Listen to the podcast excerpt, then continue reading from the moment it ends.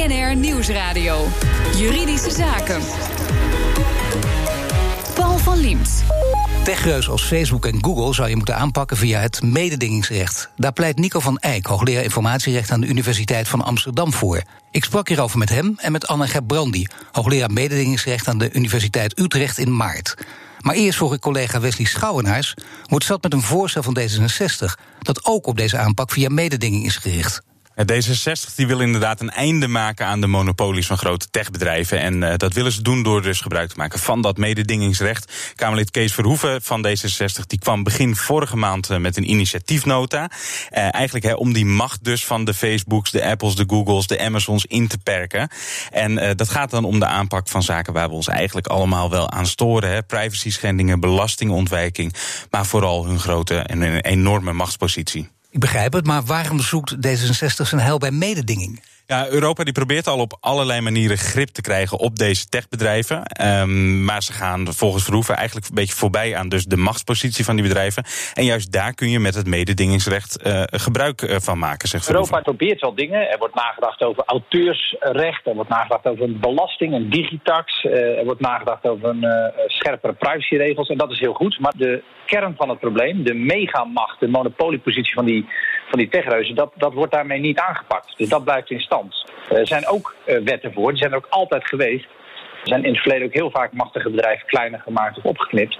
Alleen dat mededingingswet is niet toegespitst op die digitale economie en die enorme hoeveelheden data. En daar moet dat aan veranderen. En daar doen wij voorstellen voor. En daar doen ze voorstellen voor, maar hoe dan? Want dit zijn eh, wel Amerikaanse bedrijven. Ja, het zijn Amerikaanse bedrijven inderdaad, maar die moeten zich wel aan de Europese regels houden. En volgens Verhoeven heeft Nederland en eigenlijk ook Europa wel degelijk mogelijkheden. Wij kunnen niet de Amerikaanse afdelingen van dat bedrijf kunnen wij niet zoveel over zeggen. Maar wij kunnen wel over onze eigen Nederlandse markt of over de Europese markt, als we erin slagen om dit tot een Europees uh, initiatief te maken, dan kunnen wij wel degelijk zeggen dat bepaalde bedrijven onze markt niet op mogen. Dus we hebben over onze eigen thuismarkt, en dat zijn toch 400 miljoen uh, consumenten als het om Europa gaat, hebben we wel degelijk iets te zeggen. En kunnen we bijvoorbeeld zeggen, uh, de combinatie van Facebook, uh, WhatsApp en Instagram, uh, die mag je niet. En dat zei Kees Verhoeven. Dankjewel, Wesley. En mijn gasten vandaag, Nico van Eyck, hoogleraar informatierecht aan de Universiteit van Amsterdam... en Anna Gerbrandi, hoogleraar mededingingsrecht aan de Universiteit van Utrecht. Welkom. Ik begin met uh, Anna Gerbrandi. Heeft Kees Verhoeven een goed beeld van mededingingsrecht? Oeh, uh, Kees Verhoeven heeft um, ja en nee. Hij, de initiatiefnota staat aan de ene kant nogal wat retor, he, retoriek in. Ja. Hij gebruikt stevige taal. Die lijkt een beetje op de taal die in Amerika wordt gebruikt op dit moment. Bijvoorbeeld door senator Elizabeth Warren. Ja, die heeft dat net na Kees Verhoeven gedaan, hè? Ja, precies. Hij heeft gepikt van Kees Verhoeven. Waarschijnlijk, natuurlijk. die zich ook, voor de duidelijkheid, is een vrouw die ook uh, zich als presidentskandidaat heeft opgenomen. Inderdaad, die vrouw. Um, dus die retoriek die is wel bekend. Uh, er zit daarnaast in die initiatiefnota zit een aantal concrete ideeën waar we het over kunnen hebben. Een van die concrete ideeën is de drempels verlagen bij concentratietoezicht, het boetes verhogen. En dan zit daarnaast zit een heel aantal proefballonnetjes in. Tenminste, zo zou ik ze willen labelen, waarvan het mij nog niet helemaal duidelijk is wat Kees Verhoeven precies wil en hoe dat dan uitwerkt. Nou ja, dat is in ieder geval behoorlijk uh, kritisch toch ook tegen dit Kamerlid. Dat uh, misschien iets te stevige taal in de mond neemt. En Nico van Eyck daarmee eens of niet? Nou, ik, ik, ik denk dat als je die notitie leest. Ik vond hem trouwens goed leesbaar. Dat is al vrij uitzonderlijk. Zo, ja, ja, moet je uh, echt bij zeggen. Ja, want dat, dat heb je bijna nooit. Hè? Dat is Kamerlid ook denk ik wel een beetje toevertrouwd. Um, er zitten heel veel uh, uh, gedachten in, maar ook heel veel gedachten die je eigenlijk al met bestaande regels kan oplossen.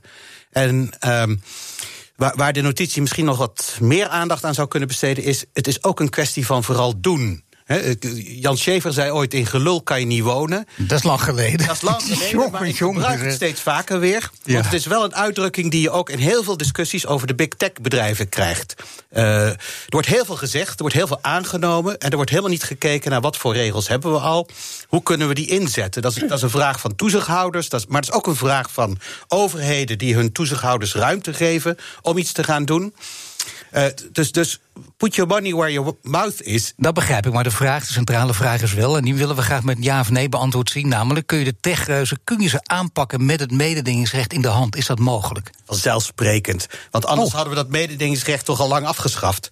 Uh, die techreuzen van vandaag, dat waren de, de grote industrieën van, van, van tien jaar geleden. Dat waren de uh, autobedrijven van twintig jaar geleden.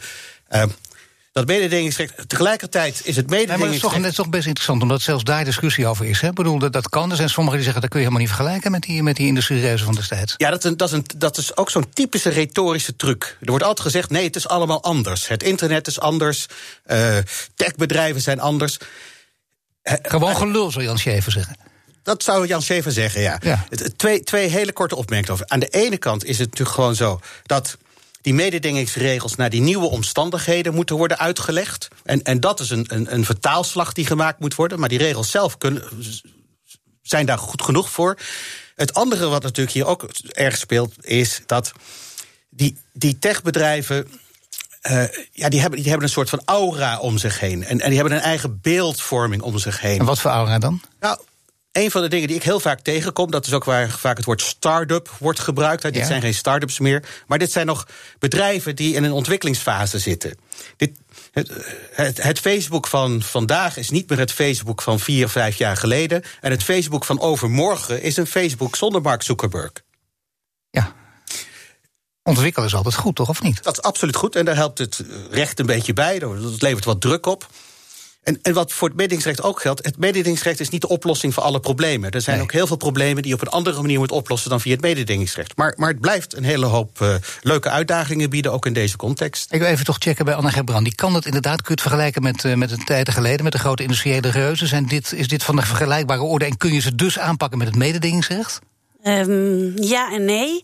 Oh uh, ja, natuurlijk is het vergelijkbaar. Marktmacht is marktmacht. He, monopolieposities zijn monopolieposities. Ja. Het maakt niet zoveel uit op welke markt dat is. Dus in die zin kun je abstraheren van het feit dat het technologiebedrijven zijn. Ja.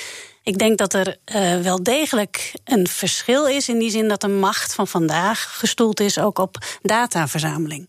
En die verzameling van data, gekoppeld aan economische he, grootheid, economische ja. macht. Dat is wel een verschilletje dat inderdaad. Dat lijkt mij een verschil met de nou, meneer Van Eyck, precies, kom op zeg. Ja. Dat is helemaal niet dat het zomaar een retorische truc is. Nee. Er, er, wordt wel, er werd wel eens gezegd. Uh, uh, Data zijn de nieuwe olie. Hmm. Nou, daarmee. Ja, dat is open deur, maar dat, dat wordt gezegd. En, open deur. en dat wordt niet voor niks gezegd. Nee, er wordt niet voor niks gezegd. Dus mijn stelling is. Nou ja, de olie, daar konden we ook wat mee met het mededingingsrecht. Dus met de nieuwe olie kunnen we ook wat met het mededingingsrecht. Ja, en dat is, niet dat is ook, ook, een soort retorische truc. Nee, maar dit is natuurlijk even, meneer Van Eyck, gelijk. Nog niet, mevrouw. Nee, nee, hij heeft ook gelijk. In die zin, het mededingingsrecht kan natuurlijk heel veel doen tegen de uitoefening van de macht van deze grote technologiebedrijven. In die zin zijn kijken, weet je wat je kan doen? Kijk, uh, Elizabeth Warren, die net aangehaald ja. is uit Amerika, uh, deze senator, en Kees Verhoeven zitten ook op één lijn als het gaat over wat je dan kan doen. Een van de ideeën is om ze op te knippen, die grote techhuizen. Ja. En kan dat? Nee. Nee. Althans, Google niet scheiden van Google Maps, hè, dat, dat wordt er eigenlijk mee bedoeld. Of niet eigenlijk, dat wordt ermee bedoeld. En ja. Facebook scheiden van WhatsApp. Nou, dan moeten we een verschil maken tussen het Amerikaanse mededingingsrecht en het Europese mededingingsrecht. Oh ja, ja. in het Amerikaanse mededingingsrecht zou dat kunnen. Daar is uh, 100 jaar geleden is daar een groot bedrijf opgeknipt in kleine stukjes, hè, Standard Oil. En ook in later in de 20e eeuw is nog AT&T opgeknipt in kleine stukjes. Ja. Um, in Europa ligt dat um, minder voor de hand. Je kunt niet zomaar een bedrijf, een groot bedrijf in kleine stukjes opknippen omdat nee. het groot is. Wat je wel kunt, is gedragingen die effecten hebben, aanpakken. Ja, dan heeft je, uiteindelijk heeft dat dezelfde gevolgen. Nou, niet per se. Dan stopt de gedraging. En Facebook moet nu stoppen met het, het, het, het data aan elkaar, datasets aan elkaar. Vragen, wat kun je dan beter doen? Wat zou een betere stap zijn om ze aan te pakken dan het opknippen? Nee, maar dit, de, het is meer de, de, eerdere vraag was: kan het in het huidige Europese recht? En daarop is het antwoord nee. Onder het huidige Europese mededingingsrecht kun je niet zomaar een bedrijf opknippen als straf omdat het heel groot is. Maar kun je het mededingingsrecht zodanig aanpassen dat je ze wel kan opknippen en dat je dan net als in Amerika dezelfde effecten kunt bereiken? In theorie kan dat. Ja, maar daar gaat het dus over. In theorie kan dat. Dus dan zou het een, dan... Nou, een aardige, aardige, intellectuele oefening zijn voor een hoogleraar misschien wel achter, achter het bureau. Maar kan het ooit in de praktijk ook ten uitvoering worden gebracht of nooit? Nou, als je een jurist zou zeggen, en ik ben een jurist. Uh, voordat je ja, zoiets moet doen, heb je, heb, je, heb je, juridische grondslag nodig. Die ja. juridische grondslag die is er nu niet. Dat is net als onteigenen. Je kunt niet zomaar onteigenen. Je kunt niet zomaar mensen hun eigendom. Nee, ja, ik, ik, uh, nee, ik heb langzaam een beetje ervaring met juristen. Moet je erg oppassen, want die is er geen spel tussen te krijgen. Maar je kunt zeggen, die is er nu niet. Dan moet je ja, wel het woord letten, maar die kan er wel komen. Ja, dat zou kunnen. Dan zou je een verdragswijziging moeten regelen. En is dat wens, wenselijk, meneer Van Eyck, om wens die aan laten we zeggen, die, die, nou ja, die, die wijziging aan te passen? Nou, hier ook een uh, inkoppertje. Wat is het probleem? Ja. Is het, los, los je het probleem op met opknippen? Als, als bijvoorbeeld het probleem is dat consumenten onvoldoende in controle zijn wanneer ze diensten afnemen, Ja. dan los je dat niet op door een bedrijf op te knippen. Dan doe je dat op andere manieren. Dus eerste vraag is: wat is het probleem? Eh, eh, Een andere, ook heel valide vraag is, eh, en, en die staat ook in die, in die notitie. Er is sprake van vijf monopolisten. Dat, Ja. dat, dat is iets wat eh, mensen niet begrijpen. Althans, als ze jurist zijn. Vijf monopolisten. We zouden willen dat we vijf aanbieders hadden in heel veel markten. Ja. Dus voordat je roept er zijn vijf monopolisten, moet je wel wat zorgvuldiger kijken naar waar is nou. Wie is met wie in concurrentie? frictie? Ja, waar zit nou de frictie? Want Apple concurreert met Google, of Google concurreert met Facebook. eh, Amazon, enzovoort. Microsoft. Ze overlappen elkaar hier en daar, maar, maar ze zijn volop in concurrentie met elkaar. Het probleem zit dieper. Het probleem wat, waar we nu veel over deze bedrijven hebben, is dat ze een gedrag vertonen waar consumenten niet blij mee zijn. Waar, wat zeg maar niet tot maximalisering En daar van willen het we wat aan doen. de- Daar willen we wat aan doen. En hebben we dan wat aan juristen als jullie of niet? Ja, absoluut. Het mededingingsrecht, Nou, kan, dan. het mededingingsrecht kan daar iets aan doen. Het mededingingsrecht kan gedrag van grote bedrijven tegengaan. En negatief gedrag, misbruik van machtspositie, dat kan met het mededingingsrecht worden gestopt. Met het huidige mededingingsrecht, het huidige Europese mededingingsrecht, Ja, voor de. En. Nederlandse mededingingsrecht. En Nederlandse Ja. moeten voor de duidelijkheid even aan toevoegen. Ja. En eh, waarom gebeurt dat dan niet? Nou, Het gebeurt wel. Maar niet echt op grote schaal. En dat we De Europese Commissie heeft een derde boete in de maak tegen Google. Bijvoorbeeld. De Duitse En wat voor mededingingsautoriteit. boetes zijn? dat? Bedoel, zijn dat echt afschrikwekkende boetes? Of eh, Dat zijn hoge- met, met, met een lachje betalen? Ja, dat zijn, het zijn de hoogste boetes die tot nu toe zijn opgelegd in het Europese mededingingsrecht. En die kunnen deze grote bedrijven ook gemakkelijk betalen. Straks, je kunt ook privacy aanpakken met mededinging. Hoe? Daar weet Nico van Eyck alles van. BNR Nieuwsradio. BNR Juridische Zaken. Facebook sleept zich voort van het ene privacy-schandaal naar het andere. Dan zou je misschien denken dat het aan de autoriteiten op het gebied van persoonsgegevens is om daar iets aan te doen. Maar kan mededinging ook uitkomsten bieden? Te gast zijn Arna Gerbrand, die hoogleraar mededingingsrecht aan de Universiteit Utrecht. En Nico van Eyck, hoogleraar informatierecht aan de Universiteit van Amsterdam. Ja, begin met Nico van Eyck nu. Eh, hoe kun je met mededinging dus ook de privacy van de Facebook-gebruiker beter beschermen? Ja, daar is de laatste tijd veel over te doen, omdat in Duitsland de mededingingsrechter een eh, uitspraak heeft gedaan. eh, op grond waarvan ze zeiden. Facebook moet anders met de data omgaan die ze van hun eh, gebruikers verzamelen. Dat zogenaamde Bundeskartellamt. Ja, Bundeskartellamt, mooi Duits woord. Ja. Dat Bundeskartellamt heeft, kijkt ook een beetje naar waar we het zojuist over hadden, naar die consumentenkant. En zegt dan: als je zo'n grote marktpartij bent, moet je ook consumenten de ruimte, wat meer ruimte geven om keuzes te maken. Ik vat het maar heel kort samen. Dat is ook iets wat in privacy heel erg speelt, vrije keuzeruimte. ja. Maar het voldoen aan privacyregels wil nog niet betekenen dat je daarmee vrij bent van mededingingstoetsing. Eh, en ik denk dat dat een van de mooie uitkomsten van deze uitspraak is: dat je aan de ene kant via privacymaatregelen kan treffen, maar aan de andere kant ook aanvullend of in plaats daarvan problemen vanuit de mededingingsvraagstuk kan benaderen. Maar wat houdt het dan uiteindelijk in? Dat wij naar Duitsland kunnen kijken, kijken naar dat eh, Bundeskartellamt, kunnen we Nederland ook gaan toepassen en dan is onze privacy beter beschermd.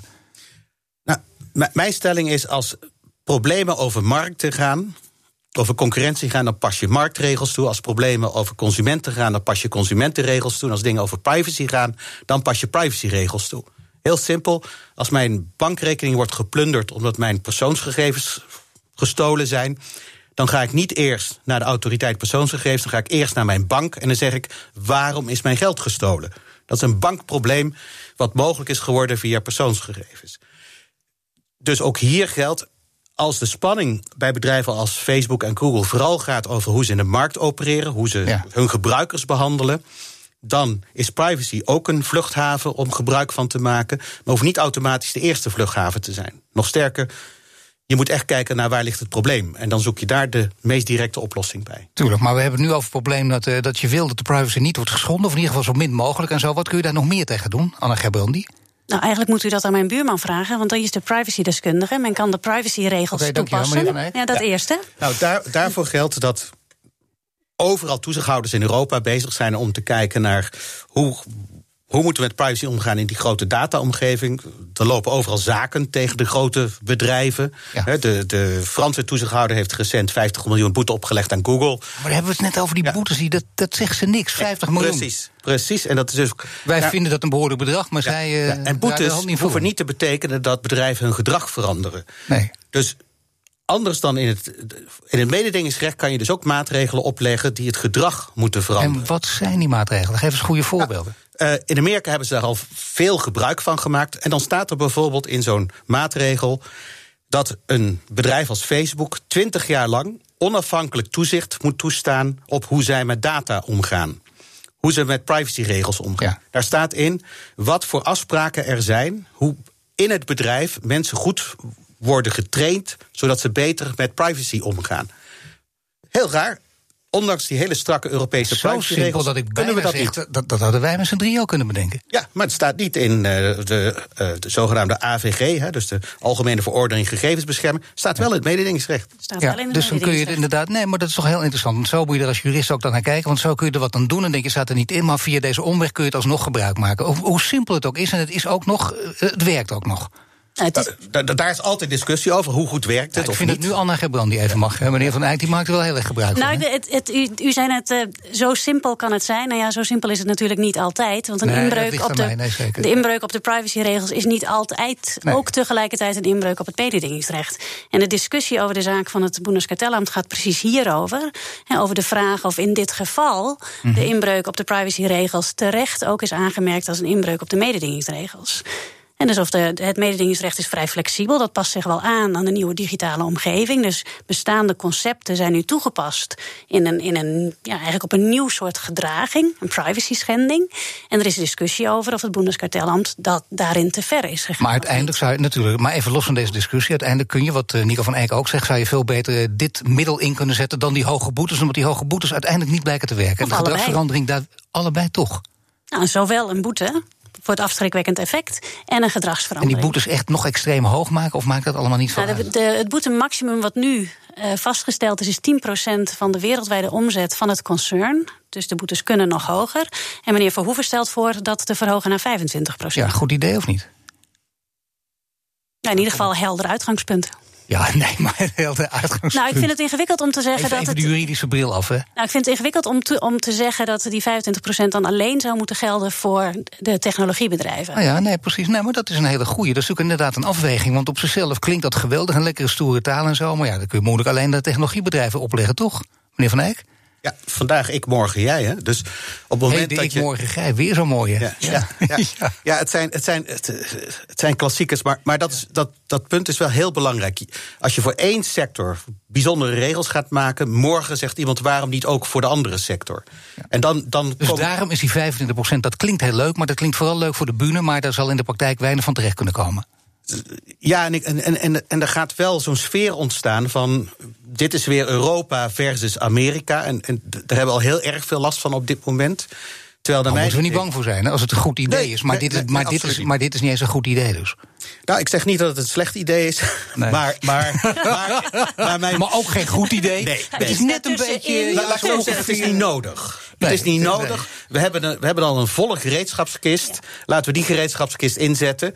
Ja, nee, dat is een duidelijke beeld. En dan de Britten, die zetten ook in ja, aan de Dan mag ik nog even iets toevoegen. Nou, want, ja, want naast ja, boetes, dan kun je zo'n zo'n voorschrift opleggen waarbij de bedrijven hun gedrag moeten veranderen. Maar er staat ook nog ergens in het Europese mededingingsrecht dat je ook als sanctie of als gevolg van een gedraging die in strijd is met het mededingingsrecht, een structurele maatregel op kunt leggen. Waarbij je dus eventueel een deel van je bedrijf moet afstoten. Kijk, en uh, laten we dan als voorbeeld bijvoorbeeld het Facebook pakken. Wat zou dan dat deel van het bedrijf zijn? Dat ze bijvoorbeeld Instagram moeten afstoten?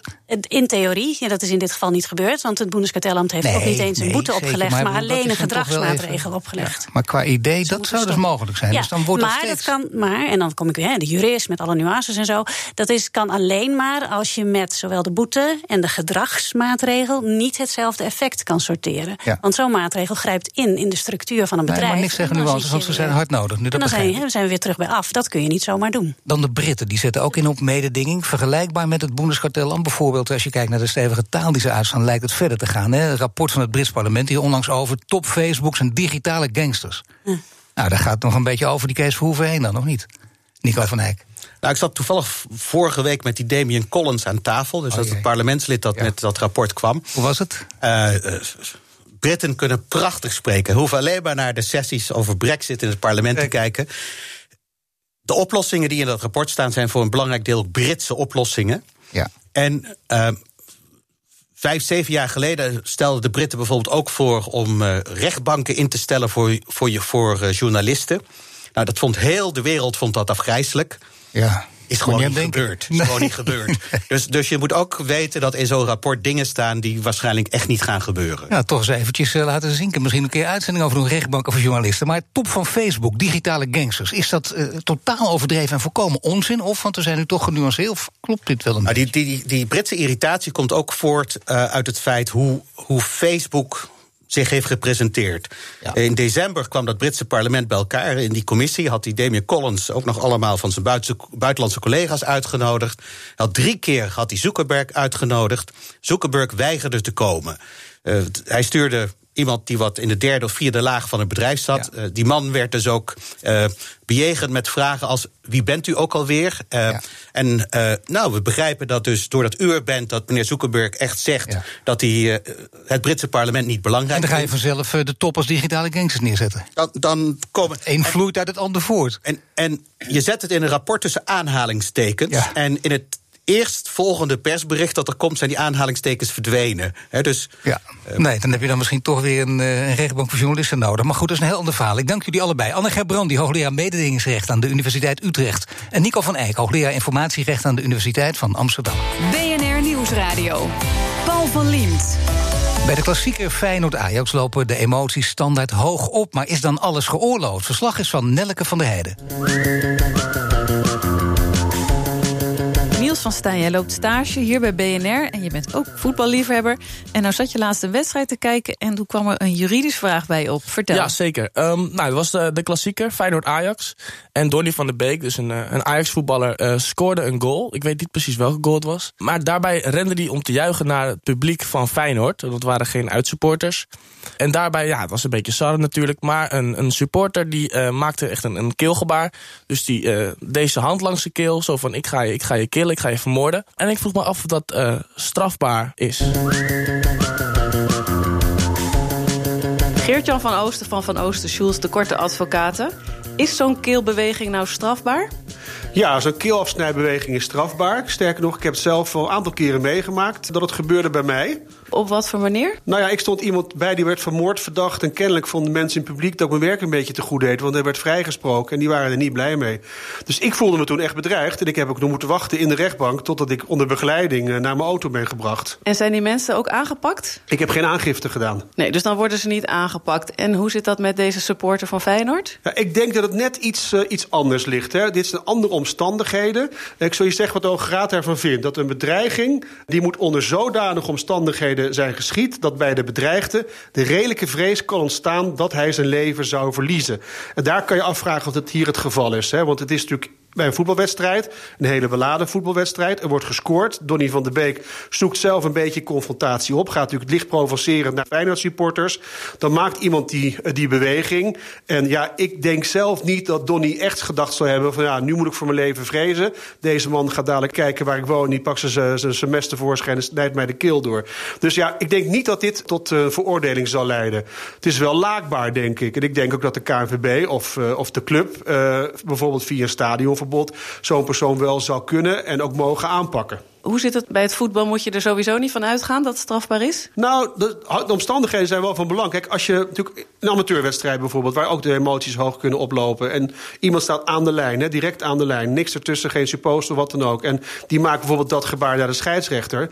Ik kan me wel voorstellen dat die scheidsrechter wel degelijk gewoon reden heeft om daar uh, bevreesd door te raken. En dat hij dan inderdaad gewoon aangifte kan doen van een strafbaar feit. Waarvoor uh, uh, iemand succesvol vervolgd kan worden. Maar in het geval van de provocerende Donny van der Beek dus niet, is er uh, nog iets wat Niels daar wel mee zou kunnen doen? Hij zag het op tv gebeuren. Nou, Niels ziet het op tv. Ik denk dat Niels te weinig aan kan doen. Maar ik kan me wel voorstellen dat iemand die ernaast staat... Uh, zo'n persoon eens aanspreekt. Dat hij zegt, kijk, het is toch een voetbalwedstrijd... en dit zijn echt gedragingen die gewoon te ver gaan. En ook kinderen zijn erbij aanwezig en die zien dat. Dat is natuurlijk geen, geen, geen voorbeeld. Dat zegt Geert-Jan van Oost in de verslag van Nelke van der Heijden. Heeft u ook een juridische vraag? Mail hem naar juridischezaken.bnr.nl. Dit was de uitzending voor vandaag. U kunt de show terugluisteren via de site, de app, iTunes of Spotify. Mijn naam is Paul van Diemt. Tot de volgende zitting.